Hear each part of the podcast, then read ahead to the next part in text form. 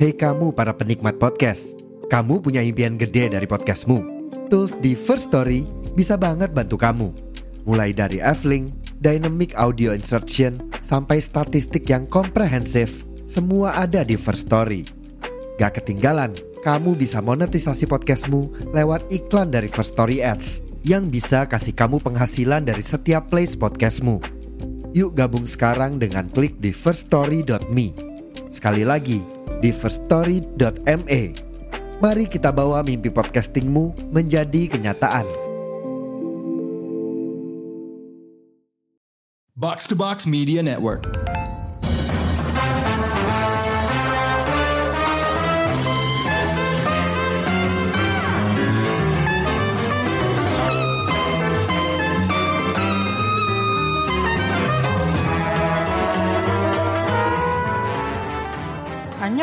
Pendengar Showbox, balik lagi di Korea Vaganza Solo Review bareng gue Amy yang bakal membahas sebuah judul variety show yang sangat seru dan bertabur bintang. Judulnya adalah Ochoda Sajang atau bahasa Inggrisnya Unexpected Business. Ingat kan tahun lalu kita di Showbox tuh tergila-gila sama serial Moving yang luar biasa banget. Jadi bikin kita susah move on saking bagusnya. Uh, terus pas gue lagi kangen-kangennya nih sama karakter Jang Juwon, Kim Do Sik, dan Lee Mi Hyun, tiba-tiba datang sebuah rekomendasi serial baru dari Disney Plus. Yang nongol di poster acaranya itu adalah si Kim Do Sik alias Do In Sang. Nah gimana gue nggak langsung tekan tombol play coba? Nah, akhirnya gue nonton episode pertama itu dan gue baru tahu kalau ternyata ini tuh bukan serial drama tapi variety show jujur aja pertama-tama gue nggak langsung paham konsepnya ya. Soalnya yang diliatin adalah Zo In Sang dan Cha Tae Hyun peran pemeran John Gedo si supir bus di Moving itu mereka berdua lagi di mobil dan ngalor ngidul tentang Amerika. Kayak nih gue mikir ngapain sih di mobil terus ngobrol-ngobrol soal Amerika? Oh, ternyata mereka tuh lagi di sana di California bagian utara dan mereka lagi menuju kota yang namanya Marina dan sampainya di sana mereka langsung masuk ke sebuah supermarket Asia dan gue tetap clueless sih sama premis acaranya karena uh, ya ngapain coba mereka ke supermarket? Tapi ya udah gue tonton aja karena ya udah siapa sih yang nggak pengen lihat aktor-aktor moving itu belanja-belanja di supermarket? Tapi ternyata setelah episodenya berlanjut, gue baru paham bahwa konsep variety show ini adalah Zo Insang dan Cha Tae-hyun itu menggantikan pemilik toko di sebuah daerah dan harus mengoperasikan toko itu selama 10 hari. Apa pun yang dijual di toko itu, mereka harus bisa ngejalanin mesin kasir, nyariin barang buat customer, nyetok ulang barang yang habis, ngubungin supplier, pokoknya segala macam hal yang berkenaan dengan menjalankan sebuah toko. Ditambah mungkin karena acara ini punya budget yang lumayan besar, mereka juga harus buka restoran dan nyediain menu buat pengunjung yang mau makan di situ. Yang masak ya mereka sendiri. Jadi kalau Cha Tae-hyun itu ngambil bagian jaga toko, si Zo Insang yang jago masak, dia ngurusin dapurnya sebagai koki. Nah, setelah gue baru udah paham nih ya konsep acaranya dan gue udah selesai episode pertama, baru gue cari tahu lebih lanjut lagi tentang acara ini. Ternyata Unexpected Business yang tayang di Disney Plus ini itu adalah udah season 3 dan ini pertama kalinya variety show ini dapat streaming internasional yang lebih luas. Mungkin juga karena settingnya internasional ya di Amerika. Di season 1 mereka masih di Korea untuk ngurusin toko kecil atau mungkin lebih tepatnya disebut warung di Wonchonri, Provinsi Gangwon. Tokonya ini paling kecil, barang-barangnya nggak banyak. Uh, tapi habis itu di season 2 mereka pindah ke kota pertanian dan peternakan di Gongsan, Provinsi Jola Selatan. Nah, di sini nggak cuma tokonya lebih besar dan modern, mereka harus buka snack bar dan ngurusin counter daging. Itu urusan counter daging itu jujur aja bikin season 2 jadi seru banget karena nggak ada satupun dari mereka yang terbiasa motong daging. Pas dikasih tahu kalian harus motong melawan serat daging, reaksi mereka tuh cuman kayak, hah gimana? Mana terus pas motong daging suka ditungguin kan sama customernya dan customer ini semua bawel dan komentar, ih kalian lamban ya. Pokoknya seru banget deh Makin abis itu produser acaranya sama si channel di mana variety show ini tayang, muter otak lagi kayak gimana caranya nih kita bisa ngerjain Zo Insang dan Cha Taehyun dan bikin mereka kerja lebih keras lagi gitu? Jawabannya ya udah kirim mereka ke Amerika aja. Jadi mereka nggak cuman harus ngerunning sebuah toko, buka restoran, tapi mereka juga harus ngomong bahasa Inggris sama customer. Dan sumpah ya, separuh dari uh, komedi di acara ini tuh datangnya dari cara mereka struggle sama bahasa Inggris. Gitu loh. Jadi jelas ya konsepnya sejauh ini gue ulang lagi Cha Taehyun dan Zo In Sang berlaku sebagai bos alias uh, pemilik toko alias Sajang Nim di toko-toko ini yang ngebantuin mereka itu adalah para part-timer yang terdiri dari artis-artis Korea lainnya. Nah part-timer ini gonta-ganti mungkin tiap dua hari sekali itu ada orang baru ya mungkin karena masalah jadwal juga ya tapi yang menarik adalah artis-artis ini tuh hampir semuanya orang terkenal yang memang aslinya temenan sama Cha Taehyun dan Zo In Sang. Setidaknya kalaupun bukan teman dekat, mereka semua adalah mantan co-star dari dua Sajang Nim ini. Di season 1 mereka udah dibantuin antara lain sama aktris Kim Jae Hwa, Park Bo Young, dan Cho Bo Ah. Terus di season 2 uh, eh, mereka dibantuin sama Kim Woo Bin, Lim Joo Hwan, Lee Kwang Soo, Kim Hae Soo, Park Kyung Hee, Sol Hyun, dan Han Hyo Joo. Nah, masuk ke season 3, mereka mulai pakai anggota tetap. Jadi ada beberapa part-timer yang rolling tuh masih ada, tapi kru intinya juga ada. Mungkin karena mereka di luar negeri, jadi susah kalau gonta-ganti sesering itu gitu. Selain si dua sajang nim yang permanen, anggota tim inti kali ini di season 3 itu adalah Lim Juhwan yang ngebantuin Insong di dapur, ada Yoon Kyung Ho yang ngurusin Gimbap dan Shike dan ada Park Byung Eun pemeran saingannya Kim Do Sik di Moving Mas Anggu yang bengis uh, itu bertiga menjadi anggota tim inti. Yang rolling itu ada Han Hyo Joo lagi, presenter legendaris Park Kyung Rim, Kim Ah Jung, uh, Park Bo Young, golfer cewek Park In Bi, dan mungkin kalian udah tahu ya, tiga dari lima selebriti ini semuanya pernah main jadi istrinya Zo Insang di Drakor. Tapi tenang aja girls, Zo Insang ngakunya masih single kok karena dia bilang sendiri di salah satu episode di season ini di Unexpected Business. Anyway, yang jadi challenge utama musim ini adalah rolling gimbap. Yes, ini toko di Marina ternyata tuh terkenal banget buat ngejual gimbap tipis harga 2 dolar dan Gimbap ini ngedatengin banyak masalah. Owner toko aslinya tuh bilang, kita biasanya sehari jualan 300 gimbap. Si Cha Taehyun tuh cuma bisa nganga kayak, masa sih? Soalnya persiapan gimbap itu tuh harus dimulai dari malam sebelumnya.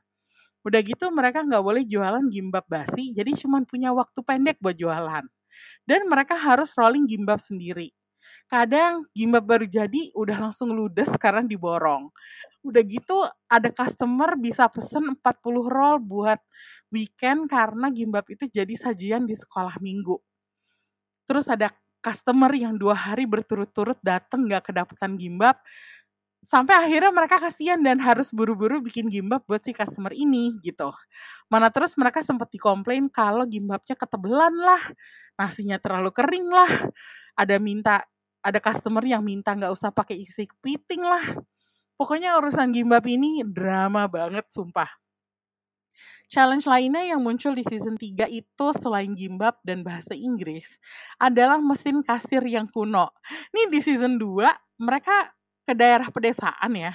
Tapi mesin kasirnya udah canggih pakai scanner, jadi nggak ada masalah. Tapi di super, supermarket Marina ini mereka masih harus masukin harga dan jumlah secara manual. Jadi kalau nggak hati-hati, mereka bisa salah pencet dan harus ngulang lagi. Repotnya banget gitu. Makanya kalau mereka tuh uh, jaga kasir itu seringnya harus berdua. Yang satu orang konsen masukin harga dan jumlah, yang satu lagi ngajakin customer ngobrol biar nggak bosen. Sementara itu di dapur nggak terlalu banyak challenge-nya. Um, Unexpected Business di season 3 udah terkenal dengan signature menu dari season-season uh, sebelumnya, yaitu adalah DG Ramyeon, uh, ciptaannya Zo In Sang.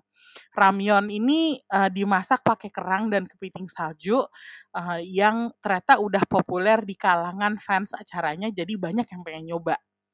Sementara itu tiap part-timer biasanya juga nyumbang menu lain dan mereka harus nyiapin menu itu sendiri di dapur. Tapi kali ini emang gak banyak sih drama di dapur kayak di season 1 tuh ada masalah kompornya nggak bekerja dengan baik atau gimana gitu. Atau di season 2 tuh ada masalah makanannya hambar gitu. Tapi di season 3 ini nggak terlalu banyak karena emang sejak season 2 nih uh, Zo In Sang dan Lim Joo Han udah bisa rapih dalam hal preparation dan masak jadi nggak terlalu banyak uh, problem gitu. Tapi mungkin kalian nanya, kenapa sih acara ini segitu entertainingnya? Buat gue pribadi, selain karena acara ini banyak nampilin aktor-aktor yang mukanya familiar, gue suka ngeliat gimana repotnya mereka berurusan sama kegiatan toko. Gue sebagai mantan karyawan retail, itu tuh paham betul rasanya nyetok barang, kehabisan barang, harus mesenin barang lagi, dan ngejalanin mesin kasir. Terus juga interaksi sama customer dan lain-lain meskipun gue nggak pernah nggak pernah kerja di supermarket ya gue tetap merasa oh gue tahu tuh perasaan dia gimana jadi rasanya lumayan puas ngelihat selebriti yang ganteng dan cantik dan terkenal itu akhirnya semacam kayak Nah, kasarnya ya, diturunkan derajatnya gitu loh ke level pekerja supermarket. I'm not being petty though. Um, tapi rasanya kayak, oh ternyata mereka bisa juga toh ngelakuin pekerjaan di dunia nyata meskipun banyak keluhannya, ya capek, ngantuk, pegel, repot, dan lain-lain gitu. Dan gue nggak tahu ya aslinya bintang-bintang ini gimana. Bisa aja mereka tetap acting kan kalau berinteraksi sama customer. Tapi gue nangkep ada semacam authenticity dan uh, apa ya kejujuran dari emosi mereka saat mereka kerja di supermarket.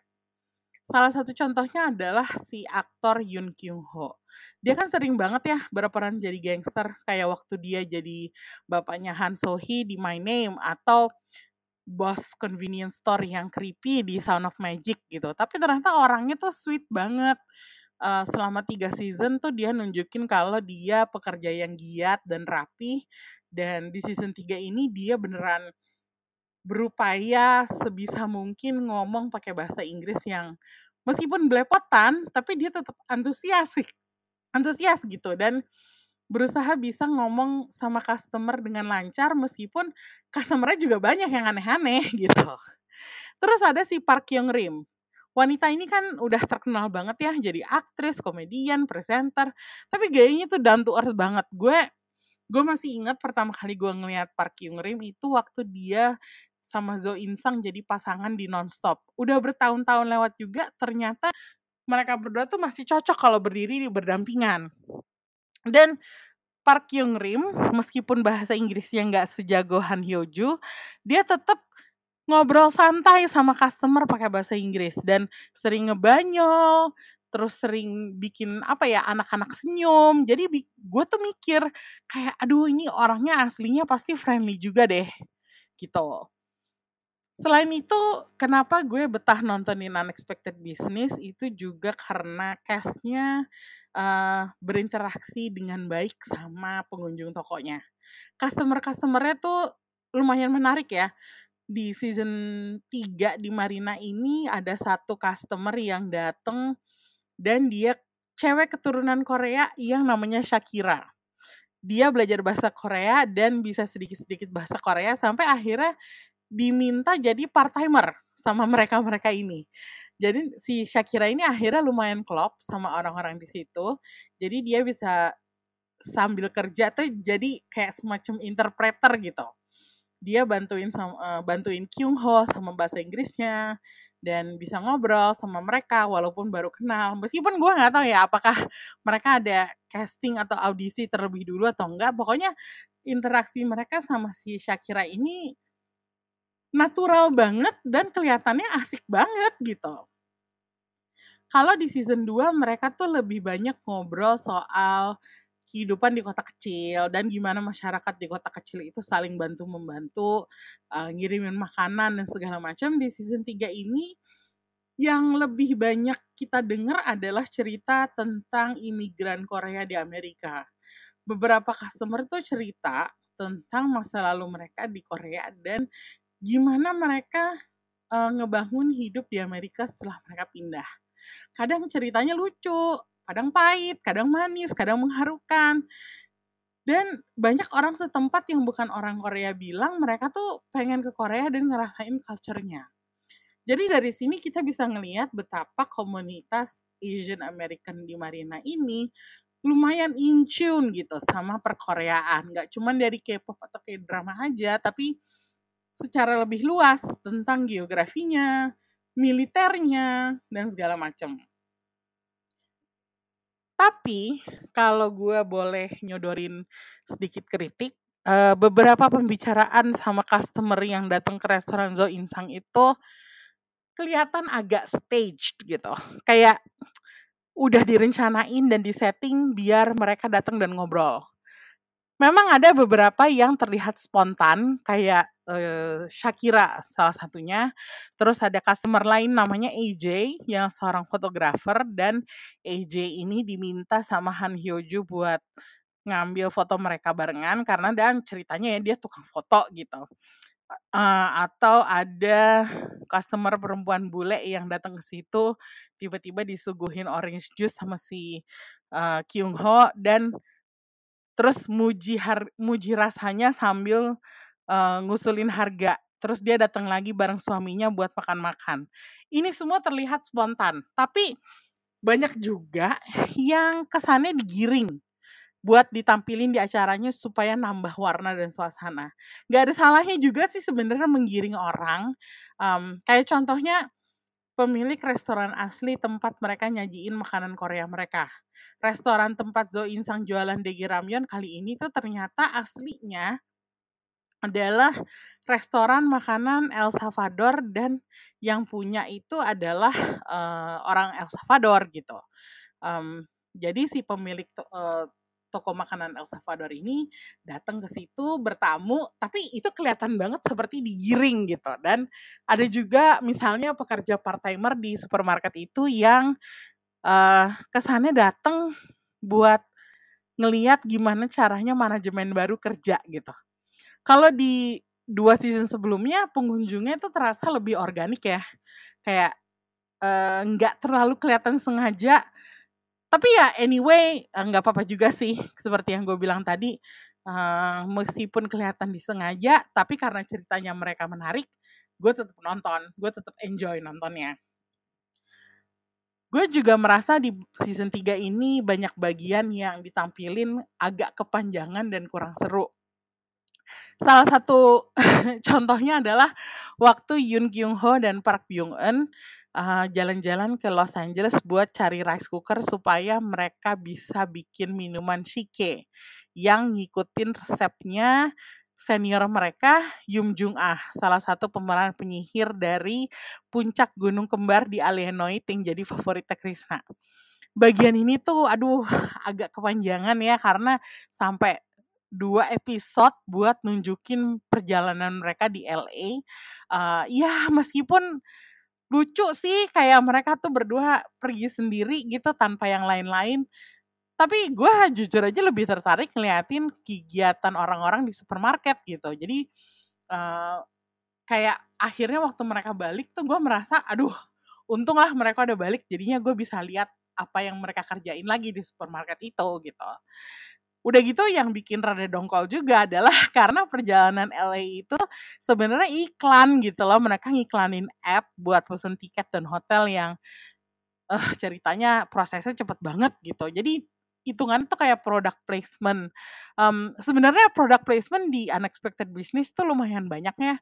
Kadang kalau mereka bikin makanan buat mereka-mereka sendiri, uh, buat breakfast atau lunch, itu mereka sering nampilin produk makanan dari sponsor. Kayak waktu itu mereka makan nasi instan yang udah ada lauknya, terus makan bakpao yang akhirnya dijadiin jualan juga. Itu semua product placement. Yes, I Uh, gue ngerti gitu. Tapi app ini tuh itu tuh kerasa kentara banget produk placementnya. Jadi kayak aduh iklan banget sih segmen ini gitu. Ya mungkin kalau nggak ada sponsor-sponsor itu mereka juga nggak bisa kali ya sampai ke LA untuk bikin acara variety show gitu. Jadi ya oke okay lah gue gua maklumin bahwa kalau ada iklannya tapi ya rasanya gimana gitu. Untungnya sih porsi kegiatan mereka di supermarket tetap seru, jadi uh, gue suka banget komedi situasional yang terjadi saat mereka coba mikirin harganya berapa atau contohnya pas Cha Taehyun baru tahu cara make senjata price tag gitu gimana. Atau pas mereka harus bolak-balik ke gudang dan cari barang buat customer. Atau waktu ada customer langganan di uh, toko itu yang nodong mereka buat kasih diskon 20%. Tapi setelah nelpon ke owner aslinya, mereka dikasih tahu bahwa customer itu tuh harusnya cuma dapat 10% gitu. Itu kayak lucu banget, nggak scripted, jadi alamiah aja terjadinya. Ternyata banyak banget ya cerita yang bisa disorot dari ngoperasiin sebuah toko selama kurang lebih 10 hari di tempat baru. Di balik komedi dan drama yang terjadi dari para seleb Korea yang buka toko di kota kecil ini, intinya sih sisi kemanusiaan di unexpected business itu sangat tinggi ngelihat caranya para seleb ini ngerasain capek kerja kayak orang biasa tuh emang puas banget. Mereka jadi kelihatan kayak orang-orang biasa aja yang kebetulan cantik dan cakep aja dan udah main di banyak film dan drama, tapi aslinya ya mereka sama aja kayak kita, rakyat biasa. Mereka semua tuh setidaknya di depan kamera di variety show ini nggak ada yang malu buat nunjukin sisi konyol atau sisi rendah hati mereka di depan pengunjung toko. Jadi mereka tuh selalu berusaha 100% untuk ngebantuin dan muasin pelanggan dan mereka semua selalu baik dan hormat terhadap setiap harmoni dan harabuji yang mereka temuin. Kayak oh ternyata seleb sekelas mereka tuh juga bisa ya ngobrol lancar sama orang-orang yang lebih tua yang mungkin nggak tahu siapa mereka dan yang mungkin jarang nontonin film atau serial mereka. Jadi mereka semua terlihat jauh down to earth daripada biasanya. Dan buat serap-serap ini ya kalau mau kelihatan bagus buat dapat good PR, tampil aja gak sih jadi part-timer di supermarketnya Cha Taehyun dan Zo Insang? Sayangnya gue nggak tahu apakah variety show ini bakal lanjut lagi atau enggak. Kayaknya budget untuk bikin acaranya tuh nggak kecil juga.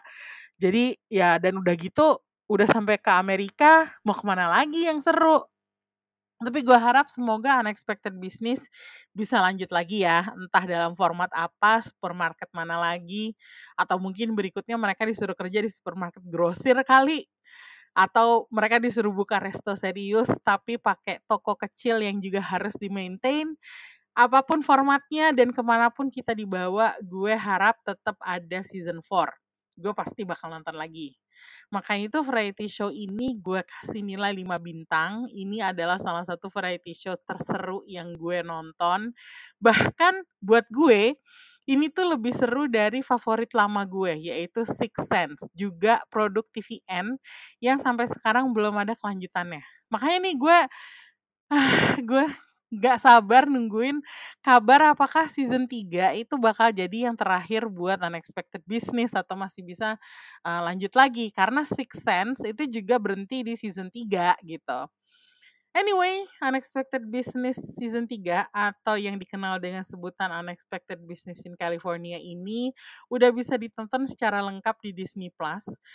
Mungkin sekalian barengan nonton moving lagi kali atau buat yang udah nonton moving tapi kangen sama castnya kayak gue dulu, ya silakan nonton Unexpected Business season 3 ini. Terus kalau penasaran sama asal muasal variety show-nya, season 1 bisa ditonton di Bilibili dan season 2 di View. Dan jangan lupa kalau mau nonton Unexpected Business, siapin snack dulu karena DG Ramyonnya Zo Insang itu kelihatan Wah, lumayan bikin ngiler sih. Nggak salah dari ngeliatin Don Katsu dan Chicken di Moving. Anyway, selamat nonton. Annyeong. Kita ketemu lagi di episode berikutnya. Bye-bye.